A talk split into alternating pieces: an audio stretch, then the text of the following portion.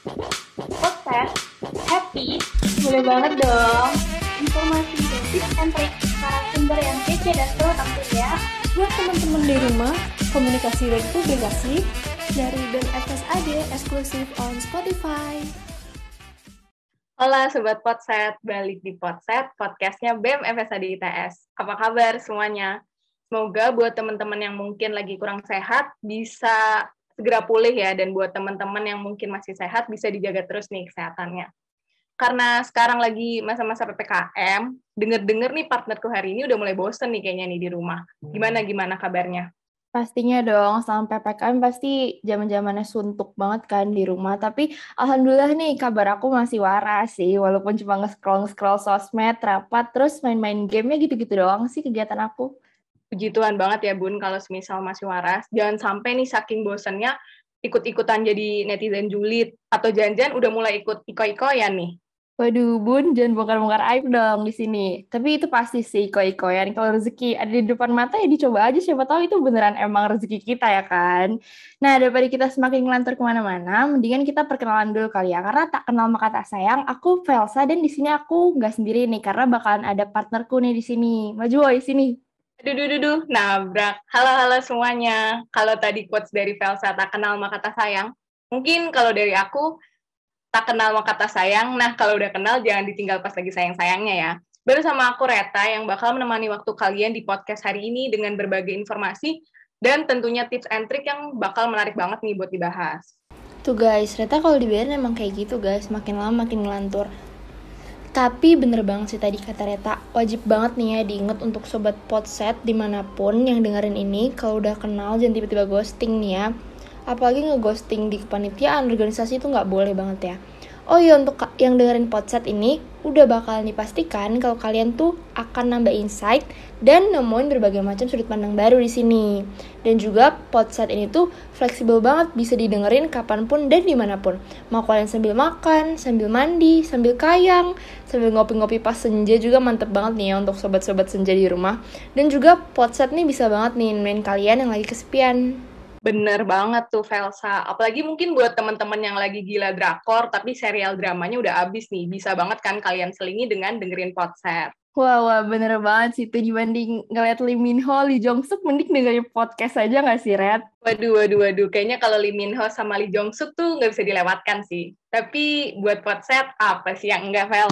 Ya, pencitraan sih, Reta Fix. By the way, gue sama lama lagi nih ya kayaknya kalian udah bosen dengerin suara kita berdua mulu ngelantur ke mana-mana. Langsung aja nih kita ke main topiknya. Kira-kira hari ini kita mau bahas topik apa ya? Pasti Sobat Podset yang di rumah dan di mana pun pasti udah pada nungguin kan? Oke, di episode 3 kali ini kita tuh bakal ngebahas topik yang mungkin udah sering banget nih teman-teman perdebatkan, terutama buat teman-teman yang mahasiswa. Topik kita kali ini adalah kuliah online versus kuliah offline pastinya udah sering banget gak sih debat tentang ini kayak mendingan kuliah online, mendingan kuliah offline, enakan kuliah online atau enakan kuliah offline. Nah, di podcast ini kita bakal ngebahas itu semua dari A sampai Z bersama Mbak Cindy Rahma dan Mas Avandi Putra Dianto nih. Wah, bener banget. Siapa sih di sini yang nggak kenal Mbak Cindo sama Mas Avandi?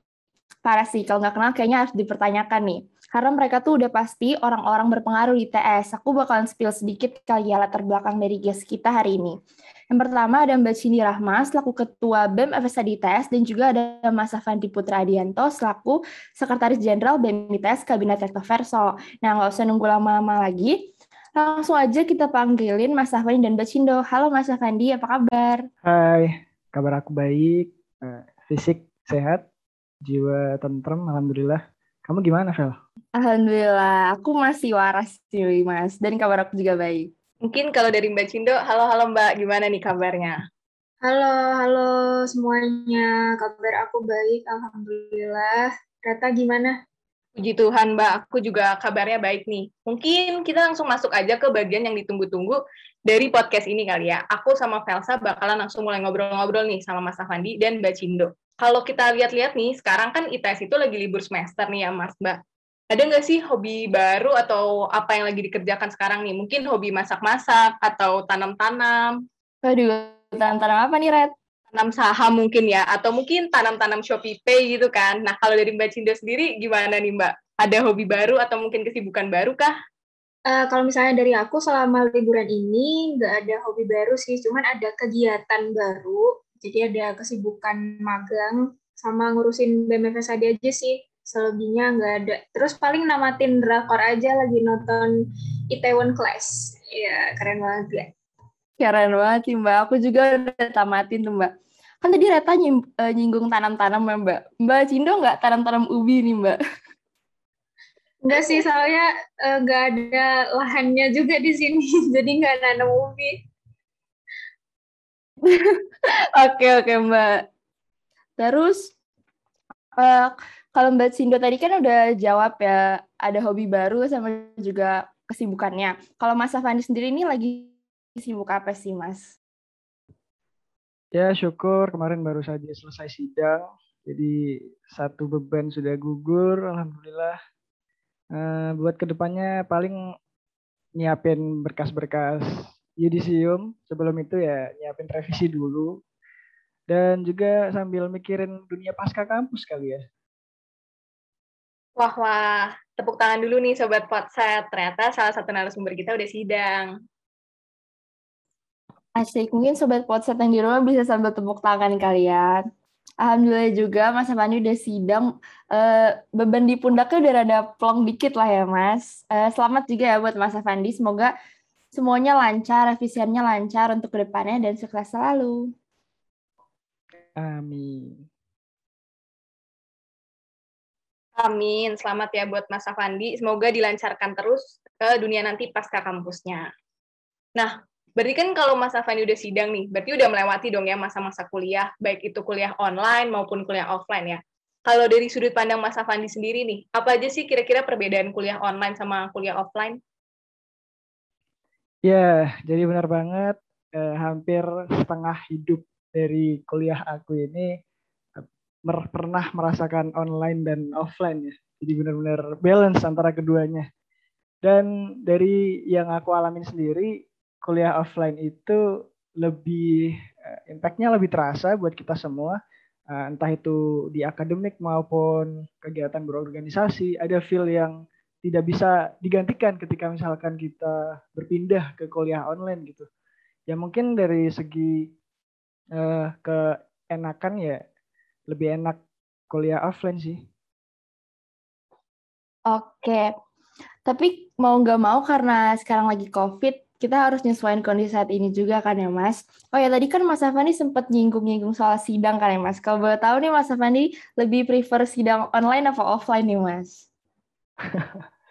Khusus buat sidang kayaknya aku pilih sidang online kali ya. Karena kemarin juga terasa sekali eh, dibantai dari dosen-dosen penguji maupun dosen pembimbing saya juga ikut membantai. Jadi benar-benar kerasa banget apalagi misalkan kalau saya bayangkan sidang saya offline ya mungkin mental saya tidak kuat kali ya ya entahlah saya lebih prefer sidang online sih kalau untuk tugas akhir Oke oke mas, kalau sidang offline mungkin kena mentalnya lebih terasa ya mas ya. Oke, tadi kan Mas Amandi dijelasin perbedaan antara kuliah online sama offline kan, dan juga Mas Amandi juga lebih prefer ke mana. Kalau disuruh milih Mbak Cindo itu lebih prefer kuliah online atau offline, ya Mbak? Uh, kalau misalnya aku kayaknya enakan udah nyaman sama kuliah online juga sih gitu. Uh, karena kan juga bisa disambi-sambi, cuman di beberapa kegiatan kayak kegiatan organisasi kayaknya asik juga kalau misalnya tetap offline gitu. Jadi 50-50 sih kalau aku nggak yang condong ke mana-mana. Setuju banget sih sama Mbak Cindo. Karena sekarang tuh mungkin kita, karena udah lama juga ya kuliah online-nya, udah mulai terbiasa nih Cuman nggak bisa dipungkiri kalau kuliah offline itu emang ngangenin. Terutama mungkin buat kita-kita yang baru join organisasi kali ya, lagi asik-asiknya harusnya explore dunia organisasi, ternyata online. Kayak aku nih sekarang mungkin belum pernah ketemu Bacindo, terus belum pernah ketemu Velsa juga, iya nggak Vel? Oh iya bener banget, tatap muka langsung sama Reta selain di Zoom tuh gak pernah. Kan tadi kan uh, ngomong-ngomong tentang kuliah offline, mungkin podcast ini sebenarnya bakalan lebih asik gak sih kalau offline? Siapa tahu nanti kalau kita offline uh, bakalan dibuat studio nih untuk podcast nih di ITS. Wah, asik banget sih itu, Vel. Mungkin untuk Mbak Cindo boleh kali ya Mbak di request. Oke, kita balik lagi nih ya ke topik. Kalau dari Mas Avandi sendiri, semisal mungkin Masnya mau lanjut kuliah, lebih prefer mana nih Mas? Kuliah offline atau kuliah online? Oke, jujur emang masih belum ada rencana untuk kuliah lagi, sekolah lagi. Tapi semisal nanti ya, eh, karena kita tidak tahu ya takdir kita seperti apa, kalau misalkan saya kuliah lagi, ya karena kondisi online juga dan juga sudah cukup beradaptasi, ya enjoy aja sih kalau misalkan kuliah online walaupun saya berharapnya offline. Apalagi ya bener kata Cindo tadi bisa disambi misalkan aku uh, daftar buat magang atau daftar buat eh, hal-hal yang lain yang bisa disambi uh, dari kuliah online aku. Bisa disambi-sambi gitu. Bener banget sih itu mas Nah, kan tadi Mbak Cindo juga udah sempat nyinggung 50% kuliah offline, 50% kuliah online kan. Tapi kan pasti ada kelebihan sama kekurangan kuliah online kan saat ini. Pasti baik banget tuh Mbak plus sama minusnya. Kalau menurut Mbak Cindo itu gimana ya Mbak?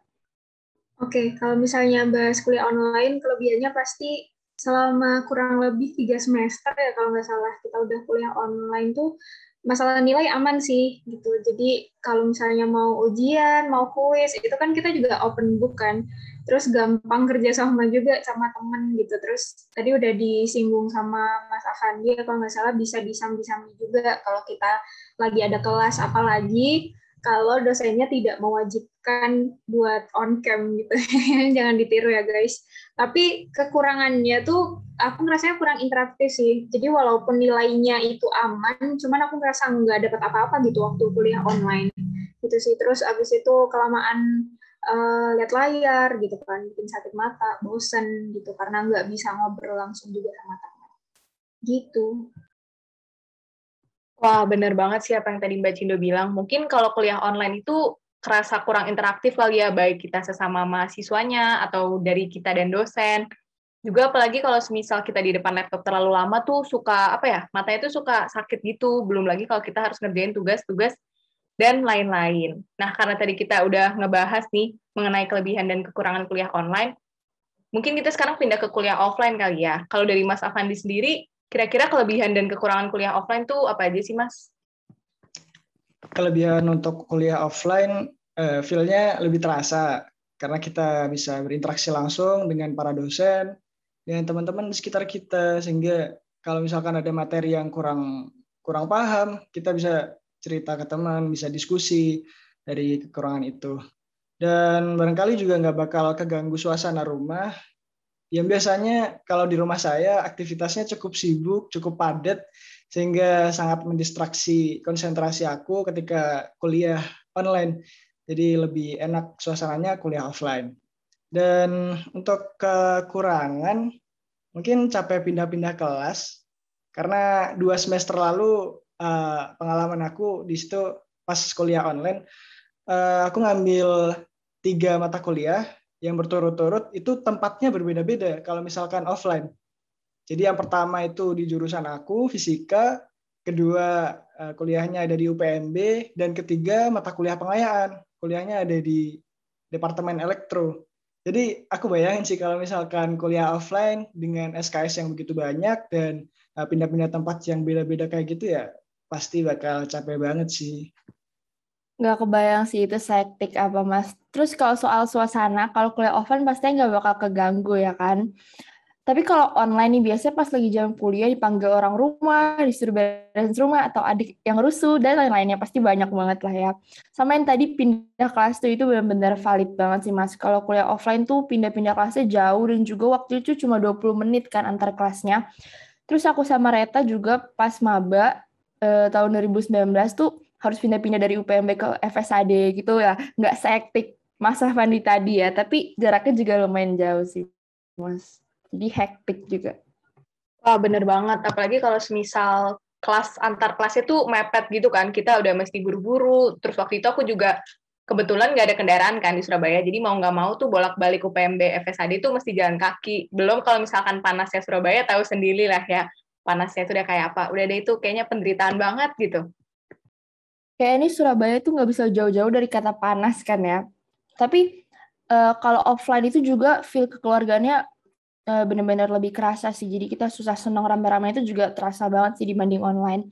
Tapi balik lagi dengan kondisi saat ini di mana ada PPKM nih, yang mengharuskan kita semua yang ada di zona merah itu tetap harus kuliah online kan. Nah, kira-kira kalau misalnya kuliah online dilanjutin nih, bakal berpengaruh nggak sih dengan kegiatan Bacindo yang lainnya? Uh, kalau misalnya aku masalah kuliah yang bagian akademik ya itu kayaknya nggak berpengaruh soalnya udah mulai adaptasi juga kan. Udah mulai nyaman sama kuliah online, cuman uh, bagian pola komunikasi sih yang menurutku berbeda gitu. Kalau misalnya kita offline kan bisa ketemu langsung, terus ngobrol juga langsung, uh, mau diskusi sama teman tinggal nepok doang, uh, ada bingung-bingung materi juga uh, tinggal ngobrol sama teman gitu kan. Sedangkan kalau online gini apa-apa by chat, by telepon, terus harus ngezoom dulu dan aku lebih ngerasa rawan buat miskomunikasi gitu sih kalau keadaannya online gini. Pastinya ya Mbak. Dulu tuh kalau offline mau manggil temen tuh gampang banget tinggal plok langsung aja ngobrol gitu kan. Kalau sekarang tuh mesti via chat atau mungkin kadang kalau misalkan balasnya lama kita mesti nelpon. Belum lagi nih yang sering nih online-online gini tuh pasti ada aja deh yang ngeghosting. Buat sobat podcast jangan ditiru ya, jangan sampai kalian ngeghosting nih. Nah, karena kalau dari Mas Avandi sendiri kan baru selesai sidang, yang mana berarti mungkin baru selesai skripsian nih ya Mas ya. Berpengaruh nggak sih Mas kuliah online terhadap penyusunan skripsi tersebut? Sangat. Ya sebelum PPKM ini uh, walaupun kebanyakan teman-teman kuliah off, kuliah online, uh, aku kemarin banyak di lab sih untuk berprogres, untuk ngambil data gitu kan. Jadi dosen pembimbing aku juga kebanyakan kerja di lab. Jadi komunikasi kami uh, cukup enak, cukup bisa di ngertiin lah apa yang dimau dosen aku, kemudian nanti aku harus kayak gimana. Cuman waktu setelah PPKM ini kan udah nggak boleh ke lab lagi. Jadi ya mau nggak mau progresnya by chat, by telepon, by Zoom. Dan di situ banyak banget hal-hal yang hmm, bisa dibilang miskomunikasi, yang menimbulkan miskomunikasi, hingga pada akhirnya terbawa waktu sidang. Ternyata apa yang dimau dosen ada beberapa yang tidak sesuai dengan apa yang saya kerjakan. Ya mungkin benar banget tadi yang diomong Cindo untuk pola komunikasi yang online ini benar-benar harus hati-hati untuk teman-teman apalagi yang berorganisasi ini kan berhubungan dengan banyak orang sedangkan aku hanya aku dengan dosen aku gitu yang notabene cuman dua arah apalagi teman-teman yang berorganisasi banyak arah gitu kan pasti ya, struggle banget sih buat komunikasi Iya bener banget tuh mas. Karena kalau online gini kita uh, susah banget kan buat komunikasi langsung. Jadi kata Mbak Cindo tadi bener rawan miskom. Nah tadi kan kalau dari Mbak Cindo itu berpengaruh kan ke kuliahnya dan organisasinya. Nah kalau dari Mas Afandi itu berpengaruh ke penyusunan skripsi kan. Nah, kalau dari aku sendiri itu menurut aku juga sama sih berpengaruh tadi. Pokoknya kuliah online itu bener-bener ngerombak banget pola kebiasaan kita dari yang dulunya buka laptop cuma buat ngerjain tugas, sekarang kita buka laptop buat kuliah dan juga kalau ada acara-acara misalnya dulu acaranya offline kan, sekarang jadi online dan masih banyak lagi. Nah, berhubungan udah tiga semester nih kita online dan kita juga udah sempat ngerasain kuliah off offline kan. Nah, lebih efektif mana sih antara kuliah offline sama online menurut Mbak Cindo? Gimana nih Mbak? Oke, kalau misalnya masalah efektif, kayaknya offline sih. Aku ngerasanya lebih interaktif, terus habis itu mudah diskusi sama teman, terus habis itu materinya, masalah materi itu lebih bisa meresap ke otak. Sedangkan kalau online ini nggak tahu dia kenapa ya, apa cuma aku doang, tapi aku ngerasa kayak nggak dapat apa-apa selama kalau kalau misalnya kuliahnya online. Cuman ya itu kalau pas ujian dan kuis enakan online gitu. Setuju banget sama apa yang barusan Mbak Cindo katakan. Kayak mungkin karena kalau offline dosen tuh benar-benar langsung di depan mata kita, jadi materi itu mungkin langsung masuk gitu kali ya, kalau tak nggak masuk kuping kiri keluar kuping kanan gitu. Jadi benar-benar langsung terserap gitu sama otak kita. Terus terus habis itu kalau misalkan online online gini tuh yang aku bingungin ya mungkin buat maba-maba gimana gitu ngerjain lapresnya. Karena dulu aku sendiri kalau misalkan ngerjain lapres waktu masih offline, itu kan bisa diperpus sama teman sampai malam. Nah kalau online gini tuh bingung juga ya gimana. Mungkin dari yang sekarang masih ngerjain lapres nih, ada nggak sih keluh kesah selama ngerjain lapres? Waduh, ini kayak ditujukan ke aku nih ya. ada banget sih, banyak banget keluh kesahnya mata sama punggung tuh bener-bener capek karena harus ngeliat laptop 24 per 7 dan juga banyak banget godaannya buat nunda-nunda untuk kerjainnya sih. Waduh, waduh, waduh, waduh. Jadi malah curhat nih ya si Velsa. Nah, Sobat Potset, karena di Potset tuh kita nggak cuma memberikan informasi-informasi menarik aja nih, tapi kita juga bakal ngasih tips and trick. Boleh dong mungkin dari Mas Avandi bisa kasih tips and trick buat Sobat Potset sama Velsa, mungkin sama aku juga, supaya kuliah online-nya bisa lebih efektif, Mas. Terutama karena Mas sendiri kan sekarang udah kelar nih kuliahnya.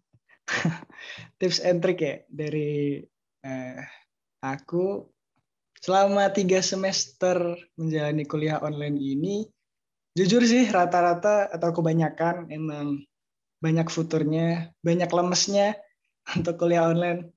Sering disambi, entah disambi ngerjain sesuatu hal di rumah, atau disambi organisasi, atau disambi tidur ya barangkali dari teman-teman ketika kuliah pagi.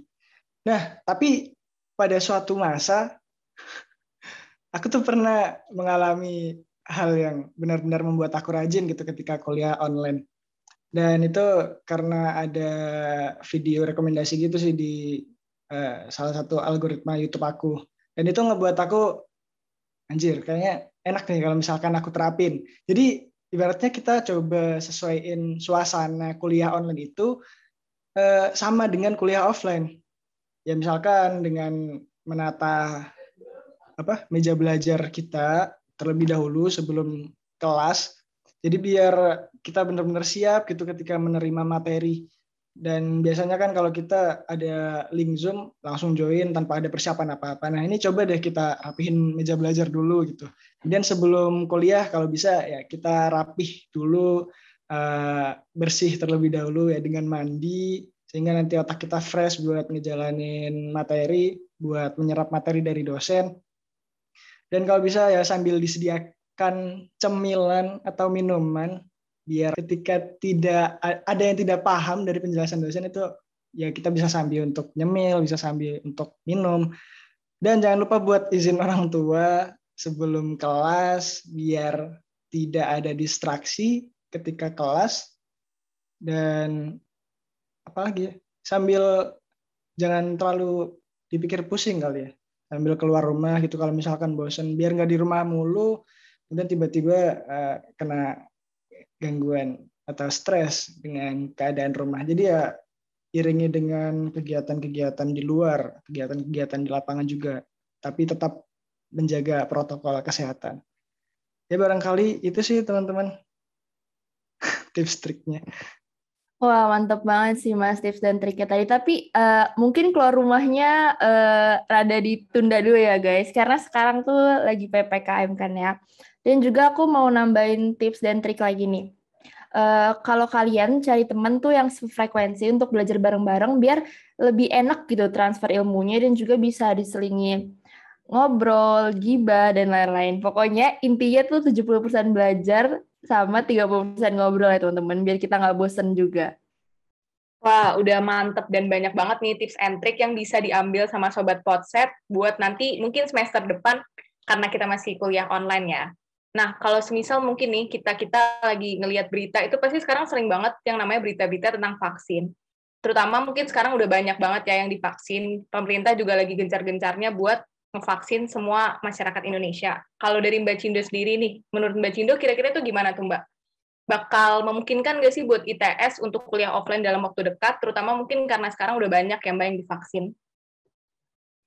Uh, kalau misalnya masalah vaksin itu sebetulnya bisa sih ya jadi awalan buat kita masuk era normal kayak dulu.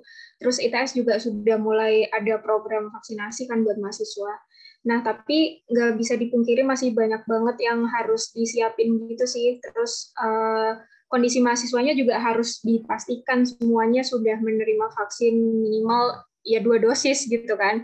Terus habis itu walaupun udah ada isu-isu kuliah offline, cuman teman eh, teman-teman pendengar ya jangan berekspektasi terlalu tinggi dulu kali ya karena menurutku proses buat kita kuliah seperti sedia kala itu masih panjang banget persiapannya gitu. Bener banget kalau kata Upin Ipin ya betul betul betul ya nggak sih Rat? Betul betul betul. Oke dan juga kalau sobat-sobat potset di mana pun kalau mau kuliah offline tuh harus vaksin dulu ya sobat potset. Pokoknya jangan sampai takut divaksin nih. Jangan mikir kalau divaksin itu jadi titan itu 100% ngasal fix banget. Oh ya ampun, gak kerasa ya dari tadi kita ngomong ternyata udah lengkap banget nih pembahasannya dari A sampai Z tuh udah kejawab semua nih sama Mas Hafandi sama Mbak Cindo. Kayaknya sekarang udah waktunya kita undur diri. Nah iya bener banget tuh gak kerasa. Tadi udah ngobrol ngalor ngidul panjang banget ya. Tapi sebelum kita akhiri nih podcast kita pada hari ini, mungkin dari Mas Afandi dan Mbak Cindo bisa nih menyampaikan closing statement dulu buat sobat-sobat podcast. Ya, semoga lekas pulih kita lekas pulih pandemi yang ada di Indonesia dan seluruh dunia. Yang jauh segera didekatkan, kuliah segera offline. Gak tahu juga nanti wisuda offline atau online, tapi saya sudah berdamai dengan kondisi, jadi ya terserah nanti mau apa. Dan semangat buat teman-teman semua yang masih ada beberapa semester ke depan untuk menjalani kuliah.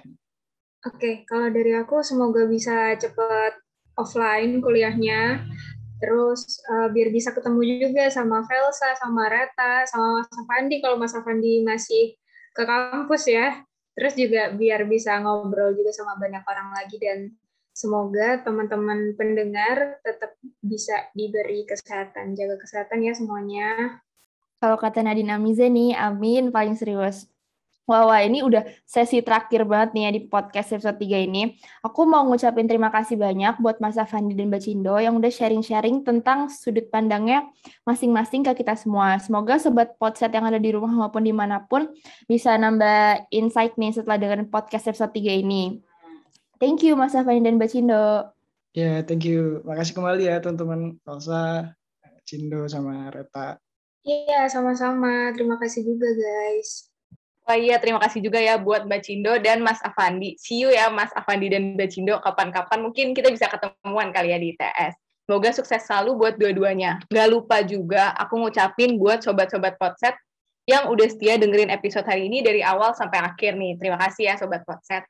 Mungkin buat menutup Potset kita pada hari ini, aku ada pantun dikit kali ya. Pelsa udah tahu lah ya harus balas apa. Oke, siap. Kalau ada sumur di ladang. Cakep boleh kita menumpang mandi. Gak boleh lah, masa numpang mandi di sumur? Eh, aduh, aduh, gimana? Aduh, si Velsa kayak kurang briefing nih ya. Maaf, maaf guys. Yuk, ulang, ulang, ulang. Oke, sorry guys. Ulang, ulang. Kalau ada sumur di ladang. Cakep. Boleh kita menumpang mandi. Be, cakep. Kalau ada umur yang panjang, boleh kita berjumpa lagi. Mantap betul. Sampai jumpa di episode berikutnya, Sobat WhatsApp. Betul banget tuh. Dan untuk Sobat Potset di mana pun berada, jangan lupa ya buat pantengin terus Instagram at BEMFSAD underscore ITS untuk next episode-nya. Karena kita tuh bakalan update info-info podcast di Instagram BEMFSAD. Saya Velsa dan partner saya Reta, pamit undur diri. Sampai ketemu di episode selanjutnya. See you Sobat Potset. Bye-bye. Potset, happy? Boleh banget dong. Informasi tips and trik narasumber yang kece dan seru tentunya buat teman-teman di rumah komunikasi dan publikasi dari BEM eksklusif on Spotify.